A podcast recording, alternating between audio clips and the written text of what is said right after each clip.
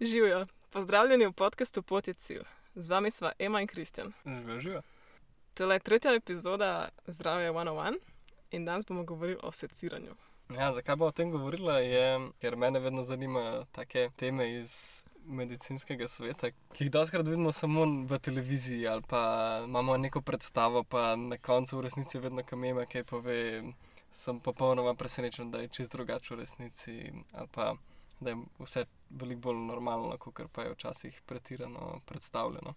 Jaz bi samo to dodala, da jaz nisem nikoli zares secirala profesionalno, mi smo samo to delali tako na vajah anatomije, na faksu, ker je to praksa, ki jo vsak študent medicine lahko dobi, če želi. Ampak še vedno si pa secirala veliko več kot kar. Poprečen človek. Ja, dobro, to pa sigurno res. No, pa pa ima. Prej za štartom bi jaz samo še podal en disclaimer, da kdorkoli ima malo slabši želodec ali pa se ne želi spuščati v detajle, trupel in tako naprej, pa mu je to malo nagnusno. Ja, pač... Ali pa če zdaj jeste, ali pa pelete avto, ali pa karkoli, ki ste v nevarni situaciji delate. ja, um, v vseh teh primerih, um, kako bi to rekel, v vseh teh primerih postopajte previdno, ampak. Vse je zelo človeško. Ne, ne, ne, ja, vse je za človeško meso, nobenih težav ni. um, postopajte previdno. To je ja. vse zelo taka naravna praksa. Praksa učenja, samo z namenom, da se učimo in raziskujemo in odkrivamo nove načine, na kako, na, nove načine kako telo deluje. Tako da tudi, če se sliši grozen, je v bistvu čist naravno, enkrat, ko se na to navadiš. Ja, pa če je mogoče kakšen del preveč, preveč ekspliciten, pa enostavno prevrtite za tistih 10 sekund ali pa pol minute. Ampak samo sem želel to povedati, preden, preden kdo bruha po nesreči. Ne, no, vse ni to grozno. Verjamem. Pa pa ima.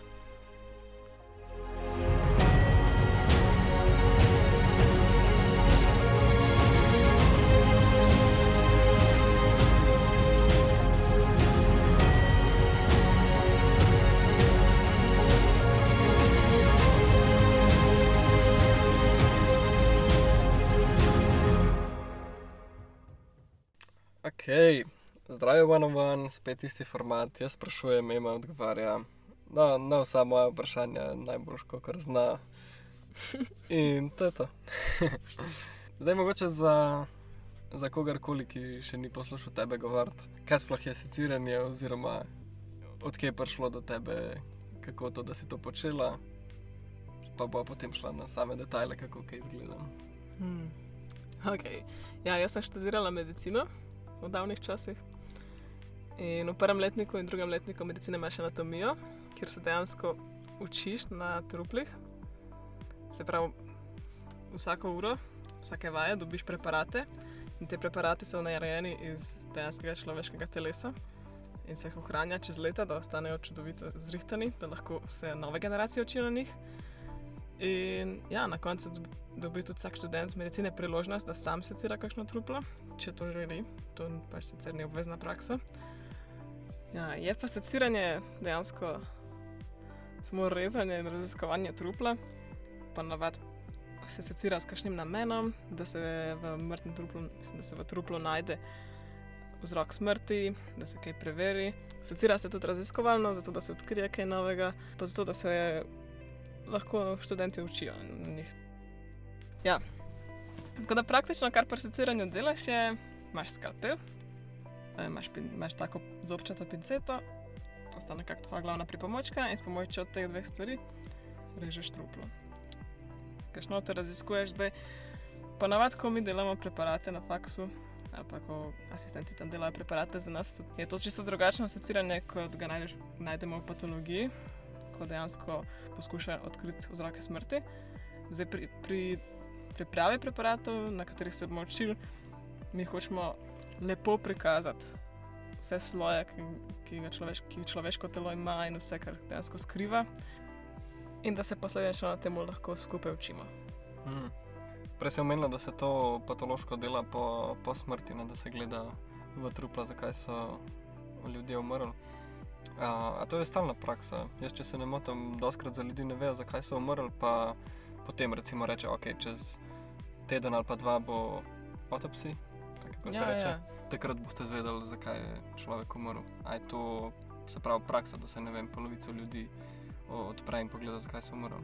To ti v resnici ne znam povedati, kako je, ampak vem, da ni čistalna praksa. Ja, dela se, če ne poznamo vzroka smrti, ampak poznamo pa tudi ljudi, ki so morali plačati, da so njihove bližnje po smrti pač pregledali in ugotovili vzroke Mhm. smrti. Se pravi, ni stalna praksa. Verjetno je določeno, kdaj je pač umrli upravičen do tega in kdaj Mhm. ni. In če potem svojci niso zadovoljni s tem, lahko plačajo in Mhm. pač sami sebi to zagotovijo. Okay, zdaj, preden greva na samo dinamiko seciranja, me samo še zanima, zakaj bi ti rekla, da se to počne. Se pravi, kakšne so lekcije, ki jih dobi človek, ki, ki secira truplo, ali pa študenti, ki ste ne, čist mladi in naivni, pridete noter in dobite kar celo truplo. Ne? Ne, pa se ni to tako, ne dobiš celo truplo. To je čist. No, V v enem bistvu- trenutku dobiš tri trupla pred sabo. Ja, ampak. A, lahko to povem, ker to se mi zdi zelo važno. V resnici to zgleda tako pri anatomiji. Prvič, prvič, ko prideš na vaje anatomije, dobiš kosti. In začneš s kostmi in se najprej učiš o kosteh, in se pač vsi, vsi primamo kosti, kosti, se sprijaznimo s tem, spoznamo. In kot je to normalno, potem pridejo ligamenti na kosti. Dobiš nove preparate, ki imajo že ligamente gor. Kaj so Nas- ligamenti? Um, to so dejansko vezi, ki vežejo skupaj naše sklepe, da ne rabijo mišice nositi vse teže.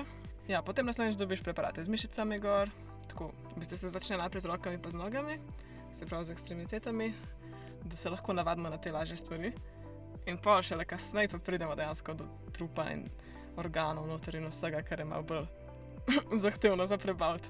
Jaz se recimo, ja, jaz se recimo ful dobro spomnim, kako naj, najprej se učiš roko, najprej se učiš roko in potem naslednja stvar, ki se učiš je noga. In ko smo dobili pri nogi preparate z mišicami, je da noga tako odrezana, zaradi to, kar jaz rečem preparat, to je dejansko del telesa, ki ga ti dobiš. Tako, to je velika zadeva, na mizi je ogromne noge, take stvari.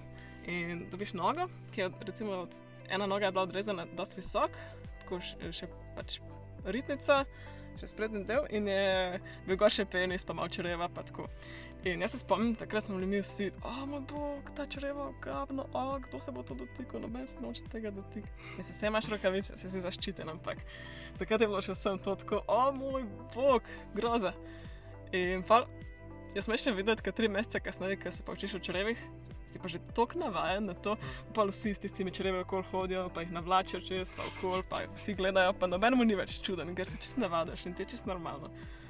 Tako, ja, ni to tako, da dobiš kar truplo. Mhm. Pač ti se tako počasi navadaš, Mhm. dobivaš vse možne oblike razrezanega telesa Mhm. in vsakeč so tako narejeni, da je kaj izpostavljeno, da se naučiš, vem, da so kakšne mišice izpostavljene, kakšne živce izpostavljene, kakšne žile izpostavljene Mhm. kakšne bezgavke, če se vidijo, pa kaj, bezgavke je zelo težko sicer najdete. Ampak vedno je prav tako narejen, vsak preparat ima prav namen, da se nekaj učiš na njemu, se pravi, so izpostavljene mišice, živci, žile, karkoli kar kol želiš. Pač. To je praktično to, kar se izpostavlja ponovadi. Sprav ti imaš dejansko zaposlene ljudi, ki full time delajo samo preparate. Ja, ja, ja, imaš. Zelo, zelo počasi in meticulous se Uh. lotijo tega dela. ne. To res traja. Recimo živce je zelo težko, da dobiti ven. Mhm. ali pa žile tudi nasploh.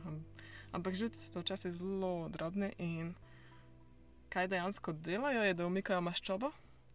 Veš, če se treba umikati maščobo, sloj za sloj, maščoba je ogromna.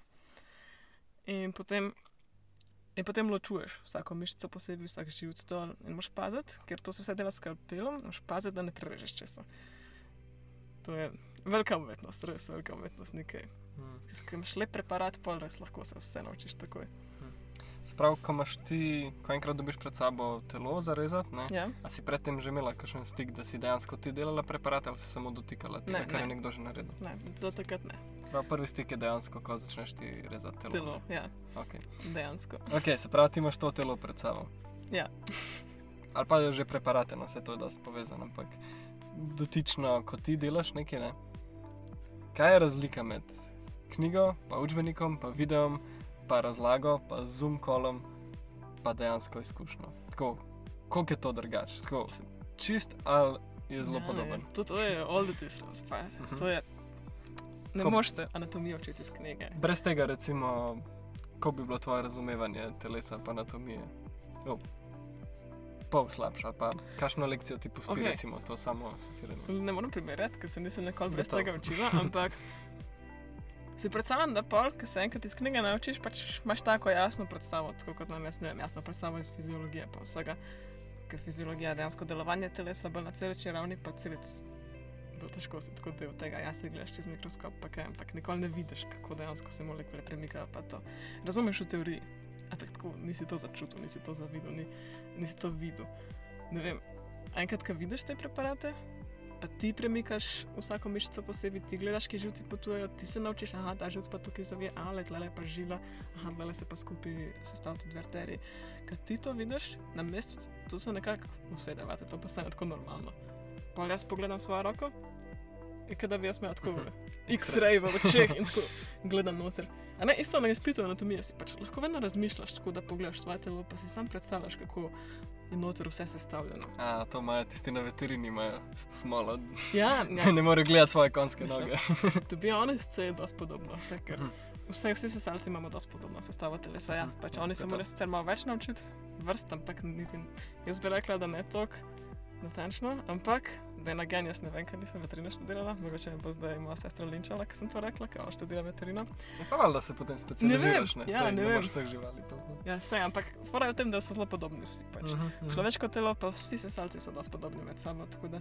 Zelo vodni. Če kdo še ni videl, naj pogleda A, okostja, delfina. delfina, pa kita, drugih. Ja. Ali pa tjulnov, kako imajo dejansko vse noge, pa vse prste imajo še vedno vse.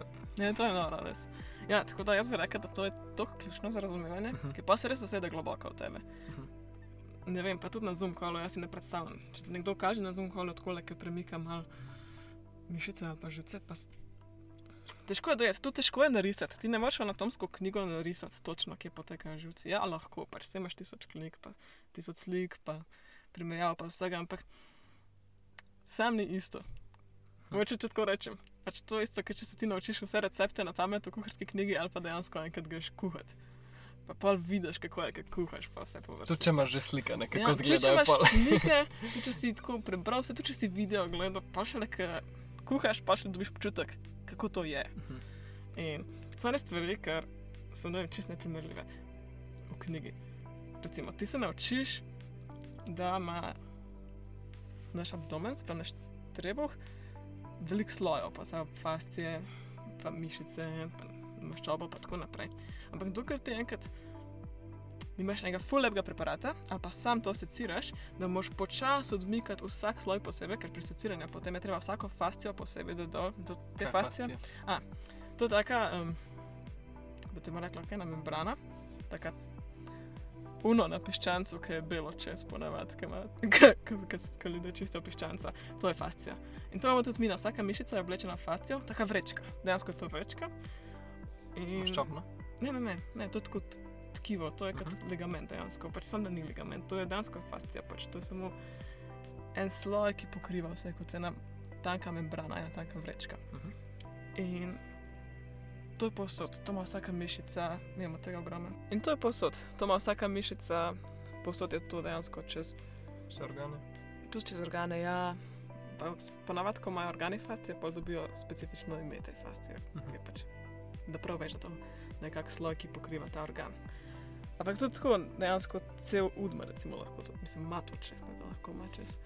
Ja, in že z takih malih detajlov, pa tudi sploh splošnega razumevanja in občutka, kakšno je telo, že za tega se mi zdi tako absolutno nujno, da nekdo, ki bo v življenju delal s telesom, še posebej ljudje, ki so bolj kirurgi, pa patologi, pa to imajo takšno razumevanje. Imajo razumevanje dejansko za izkušnjo, ne samo Mhm. branjem iz knjige. Ja, recimo, recimo. Prvo leto, zdaj to je, jaz lahko govorim, kako to zgleda na Univerzi v Ljubljani. Bom povedala, kako imajo tam režim, ne vem, kako imajo druge, ampak pri nas smo se prvo leto učili telo in drugo leto glavo. In glava je pa komplicirana, pač to je pa neverjetno. In tam je toliko enih živcev in to stvari se dogaja. Jaz si ne predstavljam, kako se lahko nekdo nauči glavo, brez da bi dejansko držal glavo v roki in videl te stvari in gledal, kako potekajo živci in vse po vrsti. Tako da ja, ne, meni se to zdi ključno. No. Cool. Ampak čistko to se večina, večina študentov odloči za prakso seciranja, ali je to tako, polovica jih je čist preveč. to za njih pa potem se ne odločijo za to, ali po tvojem občutku. Mislim, da je tako, če se jaz spomnim, mi smo imeli tako štirikrat, štir, štiri vaje seciranja, Uh -huh. ena vaja so ura pa pol dve uri, ne spomnim se več točno. In ja, prvič vsi pridejo, skoraj vsi, pa pa tako zadnjič, ki prejšnji več noben. Tako, jih je samo še, no, njih, njih samo še nekaj, še vedno so vsi ful in to je tam, ampak jih je občutno manj. Vsi to z veseljem delajo, vse nekako si prišli na medicino, ampak Hmm. so pa vedno ljudje, ki jim to ni prijetno Ja, in to je čisto razumljivo. Ja, pa ena zanimiva stvar, da ti dobiš truplo, ne, to je truplo človeka, ki je daroval svoje telo znanost, se pravi, po smrti lahko daruješ svoje telo znanost. In to so ljudje z osebnostjo. Se pravi, tudi ko se učiš glavo, pa to, to je veliko obrazov, veliko obrazov, ki pride na tvojo mizo razrezanih in tako naprej. In še posebej, ko smo mi dobili truplo za secirati, sem dejansko dal vrečke na glavo in jih polepil, Mhm. zato da nismo najbolj gledali obraza, ker postane zelo osebno. Ja, sem slišala zgodbe, kako so ljudje že videli nekoga, ki so ga poznali na mizi. Pa, ne vem, koliko so te zgodbe resnične, ampak če možno, da so resnične, pa je dobra praksa, se mi zdi, če zaprejo pogled na obraz. Ja, to mora biti pa grozno. Ja. Ja. Zanimivo. Ja. Se, se, se sliši tako zelo um, skrunitev svetega. Meni se zdi telo zelo sveto. Tako, Te človeško življenje človeško telo, to je tako wow. In tudi meni se zdi taka skrunitev človeškega telesa, da dejansko greš rezati po smrti. Ampak po drugi strani, vse, ki se vam to zdi tako dramatično, to res vsi ljudje tam se zavedajo, kako smo mi srečni, da imamo dostop do teh trupel in da lahko to delamo. In to se res načeloma, skoraj vsi, ne morem reči, če so vsi, ampak večina ljudi to dela z globokim spoštovanjem. In pač vsi vemo, da tukaj delamo s človeškimi telesi, z ljudmi, ki so darovali, zato da se mi lahko učimo svoje telo dejansko. In ja, tudi pa, ko bodo te preparati odslužili, jih bojo tudi pokopali no, zemljo na koncu. Je ful lepo. Sam ja, včasih te preparati služijo čez 50 let ali pa ni Pa to tako. Ja, ja, ni to. Ne vem, mi recimo smo imeli preparate, ki so bili okoli druge svetovne vojne narejeni, preparate dojenčkov, kar je zdaj ilegalno, tega se ne sme delati, hvala Bogu. Ampak Ampak se novih sprejemati, lahko Ja. se jih pa še vedno kaže. Ne? a ne sme se novih sprejemati, se pravi, noben starš ne more več donirati svojega dojenčka ali otroka v znanost. So pa včasih to lahko počeli in zato so včasih preparati in meni se zdi to fulepo, da se otrok ne more donirati. Jaz sem ful srečna, ampak hkrati sem ful srečna, ker sem imela priložnost to videti, kako koli je to grozen. Ampak sem videla. Ok, wow. Dobri, dober uvod. Okay, zdaj pa for the juicy part. to ni bil Um, juicy part. Ja, ne vem, meni si povedala že mar- marsikero zgodbo, ki postane veliko bolj. Ke To pa mogoče kakšno spet obiščeva ali pa bo videla, kam prideva. Mm. V bistvu me zanima, no, če, nam, če nam lahko opišeš tako, kako to zgleda, kako da, pač, jaz ti povem čisto svojo, eh, svojo predstavo, ne, eno tako, greš po stopnicah navzdol v neko temačno sobo, ki je osvetljena malo tako rdeče ali pa zeleno, ali pa tako malo, no, ima en tak odtenek kripi, ja, veš.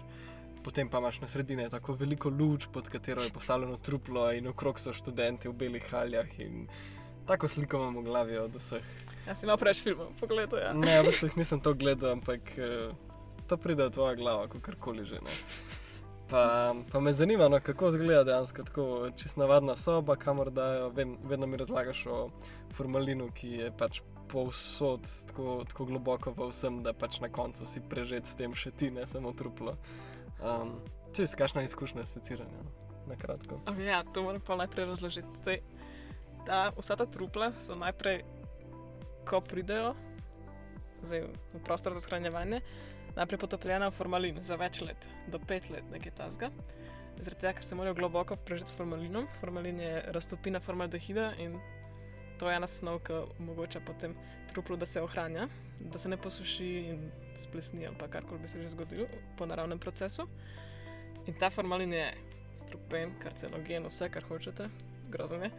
In to je tudi v bistvu, ne vem, če se kdo spomni, starejši ljudje, verjetno. No, včasih so v velik pohištva, tisto, ki ni dejansko kos lesa, ampak je zmlet les, zlepen skupaj, ne vem, kako se temu reče. No, noter so umešali forma, formaldehid. In ljudje so dejansko ponovadi, ko so kupili, ne ponovadi, ampak tisti občutljivi ljudje, ko so kupili potem nove pohištva, so vsi kihali eno leto ali pa kaj ta zgal, pa imeli spuščaje. To je bilo zelo, zelo pogosta zadeva, zato se pol uporabo formaldehida tudi prepovedal. No, ampak v medicini se pa še vedno uporablja um, za shranjevanje trupel, ker je res učinkovito in tudi niso ljudje izpostavljeni temu vsakodnevno. Razen profesorji, pa ne vem pa, kako imajo oni to zrihtano, profesori anatomije pa patologi. No, ampak ja, posledično, potem ko ti dobiš kjerkoli preparat, ali pa karkoli, je pač pre, uh, truplo je pač prežeto s formalinom. In ne vem, recimo, rečemo, da se mi začimo roko na faksu, potem bodo oni dali vse roke ven iz teh bazenov s formalinom. Dejansko ima fakulteta zadaj nek prostor, kjer shranjuje trupla. Jaz nisem nikoli tam bila. Ampak govorice so, da je to tako en ogromen bazen, kjer so potopljena trupla, pa potem so zraven še manjši, manjše, manjše skrinje, kjer so vem, manjši preparati, glave in tako naprej. Ali to se res kripi, slišiš? Ne vem, če bi iti v ta prostor, no, ampak. No, in iz tam potem, če se mi recimo učimo roke, bojo oni prenesli vse roke, oziroma tiste, ki res velikih prenesejo, ker to je, ne vem, eh, štiri učilnice, če se ne motim. In vsaka učilnica ima štiri mize, in vsaka miza ima res velik rok, kor. Tega je velik, tega je ne predstavljajo velik. In potem, ko se da enkrat te roke ven, bojo ostale zunaj, recimo za obdobje teh dveh tednov, enega meseca, ko se mi učimo v rokah, ampak ker so tako prežete s formalinom, se ne bojo zelo veliko posušile v tem času. Bo pa več čas ta formalin shlapel v zrak in bo soba vdana v formalin, ko ti priješ na medicinsko fakulteto, včasih zelo smrdi spredi in to je formalin. In to se voha posod. Ni, ni, ni to prijetno. In je pa zelo tako. En, nekateri ljudje so zelo občutljivi na to, nekateri manj, ampak ko so recimo nam prenesli trupla, so bila pa res direkt iz bazena in so še čist mohna, taka prežeta res. Ni tako, kot ponovadi, da dobiš malo bolj suhe preparate. In to hlapina, pa in pa smo vsi jokali in oči ti gre in ne moreš dihati dobro. Tako da ja, to je nekak rizik delanja s trupli, ki jih skrbimo, ampak nismo, nismo stalno izpostavljeni temu, pa tudi ne bomo zavedno, vsaj tisti, ki ne postanejo profesori anatomije potem ali pa asistenti na tej katedri. Tako da ja, to je rizik, ki ga vzameš. Drugač pa, to zgleda navadna učilnica. Ja, res je, priješ, priješ dol po stopnici, to to je dobro. Ampak ta dol je še vedno, je v kleti, ampak je še vedno to prostor, ki ima okna, tako da je svetlo do zunaj. In Pa imaš čist navadne štiri mize, no, ne čist navadne, to sploh niso navadne, take kovinske mize so, velike, na katero lahko ležeš pač trupla. In v sredini te mize je tak mali lijak, kjer se bo zlivala vsa ta kočina, ki po nesreči pride ven, recimo formaldein ali pa sploh ne vem, kaj teče. A kri še ostane v Ne, truplu? ne, ne. Mislim, ja, ampak ta kri je tako črna, to ni to Mhm. kri, pač to ni kri več. Ne bo kri tekla. Mhm. Pa razmišljam tako, če bi več mehur predrl, ali pa črevo pa se polkaj vlije ven. Ampak ponovadi Mainly ljudje- formalin. Meni je formalin, ampak ponovadi se ljudje polulajo, ko mrajo, ne vem, če se popolnoma izprazni mehur, tako da ne vem, no, ampak v glavnem. Je tako tok, so vse stvari, ki tečejo, ker stvari tečejo tam, in pa imaš okoli stole. In to je to. Dobro bo so table, luči so normalne, nič ne kripi. Razen da je pač truplo. Oje. No, ampak jaz to Ja, hočem povedati. Jaz to hočem povedati. Dejansko nikoli ne delaš trupli, razen takrat, ko čist na koncu se ciraš. Ja, Večinoma, večinoma delaš samo tako skozi telesa. Odvisno, kaj se učiš, pač imaš. Okay, ja. Mislim, zdaj govoriš meni, ki sem imel nič izkušen, se pravi, postav se v čevlje, ki dobiš kost, pa ti je to grozna stvar. Ne? Jaz sem zdaj kle, mi govoriš, kako bi mi dala na mizo tako le en zraven, druge tako 16 nog.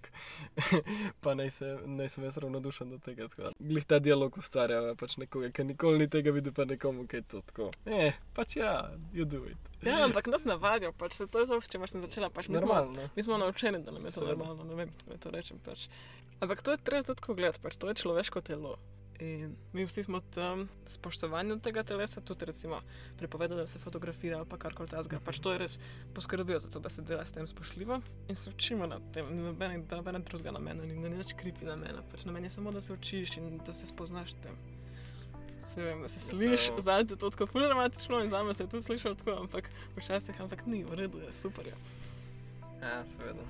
Ok, in se pravi, ti imaš tam včasih truplo, ker ga ti lahko režeš. In kaj zdaj? Greš ti ja. kot en arheolog na raziskave in vidiš, kaj boš odkrila, ali imaš ja, nek ja. tak prav cilj, kaj iščeš, recimo, moramo priti do srca ali pa do vretenca ali pa ne vem do česa. Sprav, a to samo greš in malo raziskuješ truplo, kako ja. to zgleda sploh dejansko, pač a, okay, okay. rezati človeka. Zdaj, to so smernice, kako se asocira in kako se reže. In tudi odvisno, ti se lahko se odločiš, recimo, nas je več na enem truplu delal vedno. In vsak se je odločil, da jaz pa želim mnogo delati, jaz pa želim delati roko, jaz pa želim delati abdomen, jaz pa želim delati karkoli. In potem imaš smernice, kako se nekaj prereže, ker vedno je način, kako lahko nekaj boš prerežeš. Ne boš kar tako počes prerezal, ker ti pač pade na pamet. Recimo, jaz sem delal abdomen, to je trebuh, in ne boš kar, ne vem, poševen res naredil, ker to ni optimalno za rezanje. Kako se abdomen reže, je, da se poreže tako lepo sredini, ena črta, tako čez popek dejansko na zdol, pa pa tako le pod rebri na stran zgoraj, pa dol ob kolki. Tako da dobiš take, um, kot eden tak i v uni pisavi. Take zapahe. Dve, ja, ja. dve polkni. Ja, dve polkni, pa dobiš dve polkni in točno to je fora, da potem začneš po enem kotu te polkne in začneš ko počasi dvigovati kožo. In potem režeš skalpelom.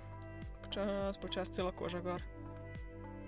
Pa in, in to tako gre, sloj za sloj. In to je neverjetno, koliko ima truplo maščobe, velikrat tudi ljudje, ki so popolnoma suhceni, imajo zelo veliko maščobe, ki začneš enkrat rezati. In maščobo hočemo ustraniti vedno, maščoba nekako zakriva vse, kar je zanimivo na preparatih, kar je zanimivo pri truplih. Tako da ta namen se jo vedno odstranjuje, ampak potem, ne vem, če daš na suhih ljudeh, imajo par centimetrov, tako 2-3, ajde, pa še vedno je veliko tega, celokupno, ko začneš to rezati, ampak ko imaš nekoga, ki malo bolj močen, tu tako 10-20 cm maščobe, tako čistega, čiste maščobe. In to pa navadaš to vse stran, odmakneš in potem naprej odmikaš fascije, priješ do mišic, odmikaš mišice, ampak vse to treba delati čisto previdno, sloj po sloj in to traja ure. Zato recimo mi, ko smo asocirali, smo vam ponovadi se vedno vrnili naslednjič na isti del, ker smo končali uh -huh. in mhm. potem nadaljevali naprej. Kot sem rekel, pač to sem štirikrat dva asociranja, nekaj tasga. Ja, in to je to. In nimaš, nimaš mislim, cilj je, cilj je, da čim lepš ohraniš vse pri življenju. No, ok, to sem zelo lepo rekla. ne, ampak da, ne, nočeš, nočeš zdaj prerezati fascije ali pa mišice ali pa nočeš uničiti živca.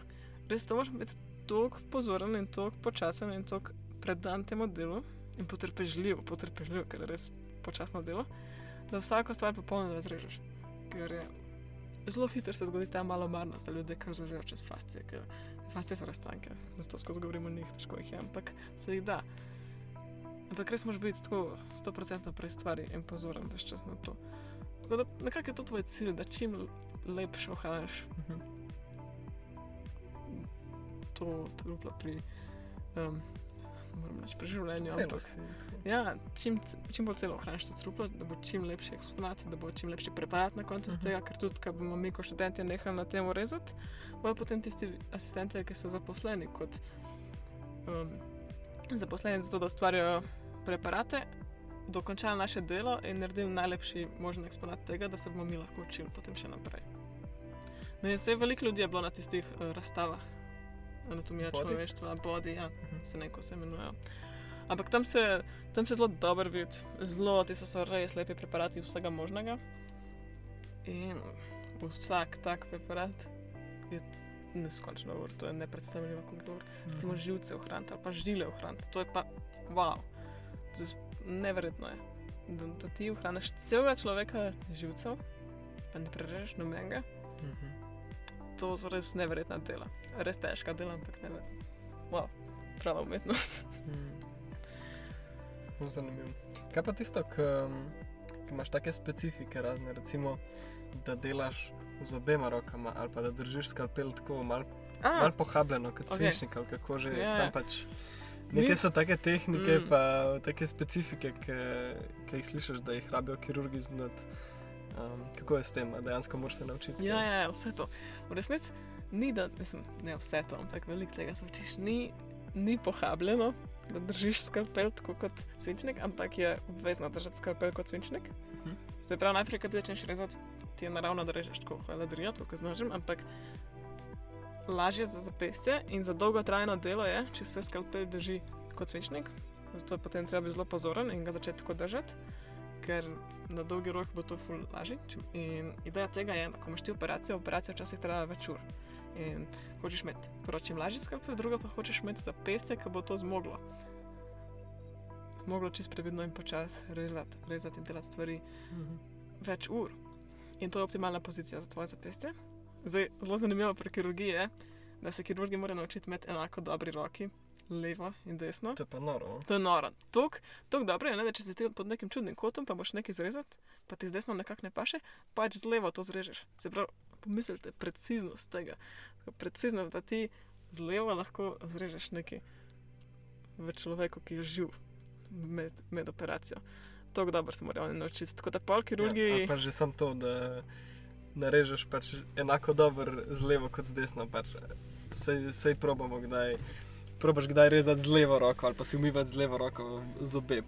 Jaz Ja. vsakič sproti presenečen, koliko je moja leva roka nesposobna. Ne, to je res. To Tako, je res. neverjetno mi je, da se lahko nekdo dejansko strenira. Pač vse poznam ljudi, ampak tako neverjetno mi je, da samo za voljo tega svojega poklica in višjega callinga, da so pripravljeni tako naučiti se z levo. Ampak vse, po, po mojem, je to taka stvar, ki pride v navado. No. Mislim, ja, meni se malo levo isto čez fuč. Ampak vem, da sem se enkrat navdušila na tem ful in sem bila tako, ok, zdaj bom pa jaz all into it, jaz se bom naučila z levo Mhm. delati. Ne zato, ker sem hotela biti kirurginja, ampak ker se mi zdi tak lep izziv, pa dober je. In ja, vedno si malo labal s tem. Je pa ne vem, enkrat recimo sem probala s palčkami, s kitajskimi palčkami jesti kosilo z levo. In na začetku res ono, ko mi vzameš, kakšen makaron, mislim, v nudel, ko mi kaj poješ, ampak na koncu sploh več ne opaziš, da ješ z levo, ker se leva že tako naučila. Mm. Mm. In naše možgane tudi naša leva roka je tako dojemljiva, da res veliko hitreje se lahko naučiš, ker si lahko predstavljaš delati z levo. Sam pač treba se res komitati temu, tako kot vse. Ja, meni je fascinantno dejstvo, da če se recimo ne ukvarjamo z nečim zelo specifično, naprimer, da smo vem, igralci tenisa ali pa nekaj, kjer bi samo eno roko zelo vadili, da dejansko sta obe naši roki, tako dominantna kot tista, ki je samo privesek zraven, sta enako močni. Ampak dejstvo je, da naši možgani niso narejeni za to, da pač. V mojem primeru, ki z desno roko delam, ne, dejansko z levo roko niso naučeni delati. Se pravi, jaz treniram svoje možgane, ne svoje roke, ne svojih mišic. O, to pa je dobro, mislim, nisem, nisem tega nikoli vedela, slišala tako, ampak se to ti lahko sam pove, kaj vse lahko dejansko človek naredi, kaj vse se nam tako zdi čuden in nemogoče, ampak je v resnici samo tako Ja. vaja, pa delo možgalno in nič se drugega. Sem tako, Ja, ja, prav res. v kaj verjameš, čemu se boš komitil. Mhm. Pa tako ne, tudi kako je vse v naših možganih dejansko. Mm. Mm. Pač, če greva čist na dejanski nivo, tako fizičen. Ne. Pač možgani se morajo preurediti fizično na način, da sprejmejo tvojo ja, drugo roko. Ti moraš gledati sinapse, ti moraš Mhm. ojačati vse poti. Što, wow, to je delo, ampak Ja. je čisto izvedljivo delo. Ja, mislim, kaj šele to, da polne, ker ti, ti sploh, če gledamo tvojo filozofijo, ne pač verjameš v to, da pač tako kot jaz, da če delaš ti svoje, če ti delaš na svojih prepričanjih, v smislu, da se navadaš na novo realnost preko teh afirmacij, mantr, kakorkoli že, potem lahko narediš to v svojem telesu. Ne. Dejansko je to ista ideja. Ne. Pač pripraviš se na to, da boš spremenil nekaj. Ne. Hmm. Okay, ne, moram, ne moram, da ne povem tega, seveda, da bo verjetno posnel podcast prav o tej temi, pa bova Mhm. še enkrat povedala isto zgodbo. Ampak zanj sem prebrala, da je bil leta 1950 narejen en poskus na miših in poskus se je imenoval Hope. In da je bila, da so gledali, koliko časa miši lahko preživijo v vodi, preden se utopijo v normalni situaciji. In pa koliko časa lahko preživijo, če jim daš upanje, da bojo rešene. Se pravi, kaj so oni naredili? Najprej so dali miši v velik miši v vodo in so jih, pust, in so jih pustili, da plavajo. In poprečno so te miši umrle in se utopile v 15 minutah. Oni so naredili zdaj povprečje, pač te miši so bile potem mrtve, potem so vzeli, to zelo velike miši so vzeli, potem so vzeli nove miši in so jih spet dali plavati. In ko so videli, da se že utapljajo, da se obnašajo tako, kot so se une obnašale takrat, preden so umrle, so jih dali ven, so jih posušili, so jih um, pustili malo zunaj in potem spet noter. In zdaj, oni so imeli teorijo, da če to naredijo, naslednjič drugič, ki jih bodo dal noter, ne bojo plavali samo 15 minut, ampak veliko več. Kar je pa bizarno pri tem poskusu, je, da dejansko te miši, ki so jih drugič dal noter vodo, oni niso plavali malo več kot 15 minut, oni so plavali 60 ur. 60 Ne minut. ur, ne Ur. minut, ur. Wow. In to je moč možganov. To je moč, ki jo mi imamo vsi v naši glavi. Ok, zgraditi, zgraditi sinap, mislim, zgraditi nove sinapse in povezave, da lahko uporabiš levo roko in nekaj, ampak ti lahko delaš toliko več kot samo to, ti lahko vse v svojem telesu prerodiš. Če pomisliš, da so te miši dobile nekakšne nadnaravne sposobnosti, da še 60 ur preživele, se pravi, so mogle neverjetne hormone narediti, neverjetno energijo najti, neverjetne zaloge energije v svojem telesu. To so pa čisto enake miši kot tu naprej. Samo te so verjele, da jih bo nekdo dvignil iz, iz vode. In to upanje jih je gnalo naprej, da dajo vse od sebe in da, se, da ne umrejo. Prej miši pač niso imele tega upanja in zaradi tega niso se niti potrudile izkoristiti moči svojih možganov, ko ne to rečem, in svojega telesa. Ja, to zavedanje, kaj vse lahko naredimo, je največja stvar, ki si jo lahko. Ja, Največje darilo, ki si ga lahko damo. se to pač. Sam pomislite, kaj tako vaše prepričanje polo vas naredi, če miši lahko živijo 60 ur namesto 15 minut. Ja, se tem se bo približno okay, ja. vsakeč dotaknila. Nisem mogla ne povedati, ker Ja, ima gotovo. toliko veze s to levo roko. Ja. Ja. Pač, se vem, da se sliši bizarno, tudi meni, ampak vse se da v resnici. Mm. Ja, okay. Kaj te je pa najbolj presenetilo, oziroma kjer stvar si res mislila, da, da zgleda drugače, kot zgleda v resnici? Umem bog vse. Ja? Mislim, ne vse, ampak v, resnici vsi organi so v moji glavi izgledali veliko večji, kot izgledajo v resničnem življenju. To je tudi nekaj, kar se v anatomiji knjigi nekako ne moš naučiti, Mhm. se mi zdi. Ampak jaz sem vedno imela prepričanje, da ne vem, so ledvice, ali pa srce, ali pa pljuč, vse praktično razen jeter, da so veliko večje, ampak so zelo mali organi. Um, mogoče največji šok je bila maternica, maternica je res čez drobna, ampak tako res čez drobna. In pol po drugi strani pa mi smo imeli dejansko preparate, ki so imeli notri še dojenčke. Se pravi, to so bile mame, ki so umrle pred porodom. In to so preparati, ki so starejši od spet 50 let ali nekaj tasga, ker to zdaj ni več legalno. Hvala Bogu. Ampak, ja, ti potem vidiš, kako se ta maternica raztegne. To je popolnoma nevrjetno.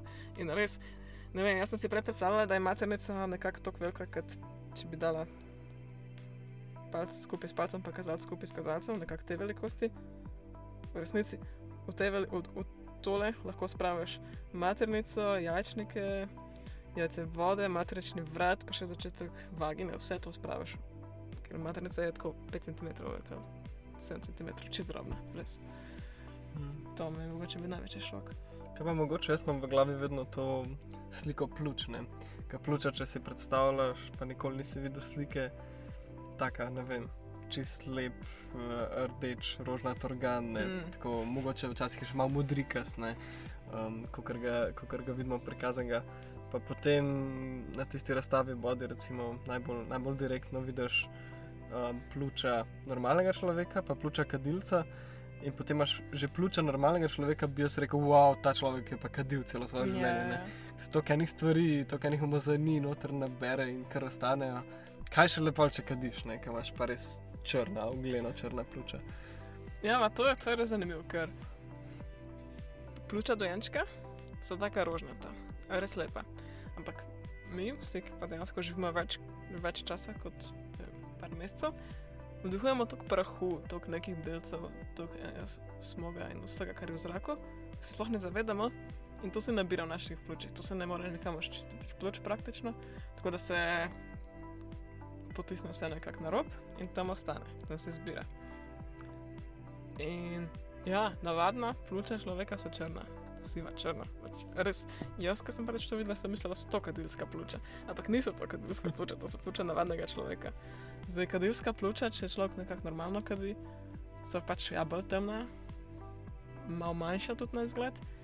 Tisti, ki pa res velika del življenja, pa celo življenje, ki delajo, imajo pa čist strohnela, mala pljuča. To sploh, ne moreš predstavljati, kako je človek živel s temi pljuči lahko. Dejansko tako kr, zakr, skrknejo skupaj, um, Mm. zmanjšajo se, res in čisto črno. Verjala, ne zgleda zdravo, no, ni dobro. Ja. Vam mogoče še to povem, to je ful zanimivo. No, nekako to sem se naučila, zelo šokantno dejstvo, da imamo vsi enako dolgo hrbtenico. Vsi odrasli. Ker, ok, moški pa ženske ne med sabo, ampak vse ženske imajo enako dolgo, pa vsi moški imajo enako dolgo.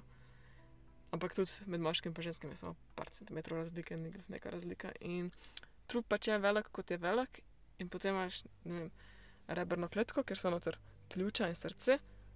In to je zelo mala kletka. In pljuča so veliko manjša, kot sem si jaz predstavljala. Srce je manjše, vse je veliko manjše in vsi imamo enako velikost teh stvari. Ja, seveda, vedno odstopa. Ma, ja, moški imajo večje srce kot ženske, pa še imajo še večje. Ampak ni to zdaj nekih ogromnih odstopanj. Načeloma imajo vsi dosti podobne velikosti organov. Od najdebelejših ljudi do najbolj suhih ljudi. Dejansko, ko so ljudje zelo debeli, močni, što je res samo maščoba. Ima enako velike kosti kot ti, enako velike, mislim, vsi imamo enako velike kosti praktično. Tam, tam, enako velika srca, tam, tam. Ni, dejansko. To, je- to je zelo šok, ne vem, ne vem, ko ne to rečem. Pač, vse veš, da so ljudje debeli zaradi maščobe, ampak meni je samo šok. Mislim, meni je bil samo šok spoznati, kako smo v resnici vsi zelo podobni znotraj. Hm, Kaj praviš, da smo pod kožo vsi enaki? Ja, ne boš verjel. Ne, no, vse imajo večje srca. No, in to zanimivo je bilo. Ne, res, res, eni imajo večje organe kot drugi, ampak še vedno so dosti podobne velikosti. Zanimivo je tudi videti, včasih dobimo kakšne preparate, smo dobili kakšne preparate, ki so. Ne srca, ki so že imela umetne zaklopke noter. In potem Mhm. dejansko vidiš umetne zaklopke v srcu, kar je noro. Zdaj, To so res take zanimive stvari, ki jih ne veš. Pa velika, dobiš, velika se pojavlja kakšen zelo zanimiv preparat, ko ima en človek neko specifično bolezen, ki je umrl. In lahko nekaj fuz zanimivega vidiš. Recimo brez gavke, da se vidi brez gavke, je imeti, je, jih je človek konkretno povečane, ki je umrl. Tako da to najdeš, to je vedno taka ekstra najdišče, to je vedno veselje. Tak, ja. Ok, kul, cool, zdaj si res jih um, že veliko naštela teh um, mogoče idej, ki jih imamo, pa so tako čist drugačne v, v realnosti. Ne? Um, pa verjamem, da je tega za celo telo polno. ne. Um, Mogoče čistko, aj kakšna taka stvar, ker res uh, si si jo zapomnila, kar se tiče preparatov ali pa sliciranja samega. Jaz ne vem, če je to del pouka, ampak mi smo enkrat probali oživljati človeka. Mhm. In smo, in smo se učili, kakšen pritisk je dejansko treba dati na telo, na, na prsnico, takrat, ko poskušaš oživeti srce. In ven, vedno slišiš, ok, to je treba res pritisniti, to da ureduje, če slomite rebra, pa take stvari. Ampak smo mi dejansko to probali, to je treba res pritisniti. Wow, jaz sem načel šokiran, meni se tako, je totalna invazija tako v telo, vse je invazija. Ja, to rečejo, ne vedno, ko ja. Se učijo CPR, -ji, CPR je to, da pač um, lomaš rebra, če je treba. Ja, ne, se je res. Življenje je več vredno od rebra. Vse je, pa rebra se bojo zacela, ampak Tako. je, je pa šok, je pa šok, ker ne vem, kad ti to enkrat pritisneš na truplo, si tako wow. To res, meni se zdi, da sem glih kar poškodovala to mrtvo truplo, kaj še živimo človeku, da bi Mhm. nekdo tako pritisnil. Tako da to, to se mi je zdelo kar šok, pa ok, šok je vedno, ker smo dobili kakšne dojenčke pa otroke. Wow, Mhm. to, to nikoli ni lepo. Vedno, kar se ena stvar, ki se jih najbolj spomnim, je en mali dojenček, ki še ni bil rojen. Sprav pač dejansko je umrl v maternici. In ima toliko dlakic po obrazu, tako vseh teh dlakic spomnim, taki čez belih, sploh ni izgledal. Zgledal je kot en tak, ne vem, kosmat človeček, tako en tak velik dlak, skoraj toliko dlakic, tako wow, to pa je res šokantno. Nisem si predstavljala, da so dojenčki tako kosmati v, ne, na nekem, v nekem trenutku v razvoju. Ne bi to.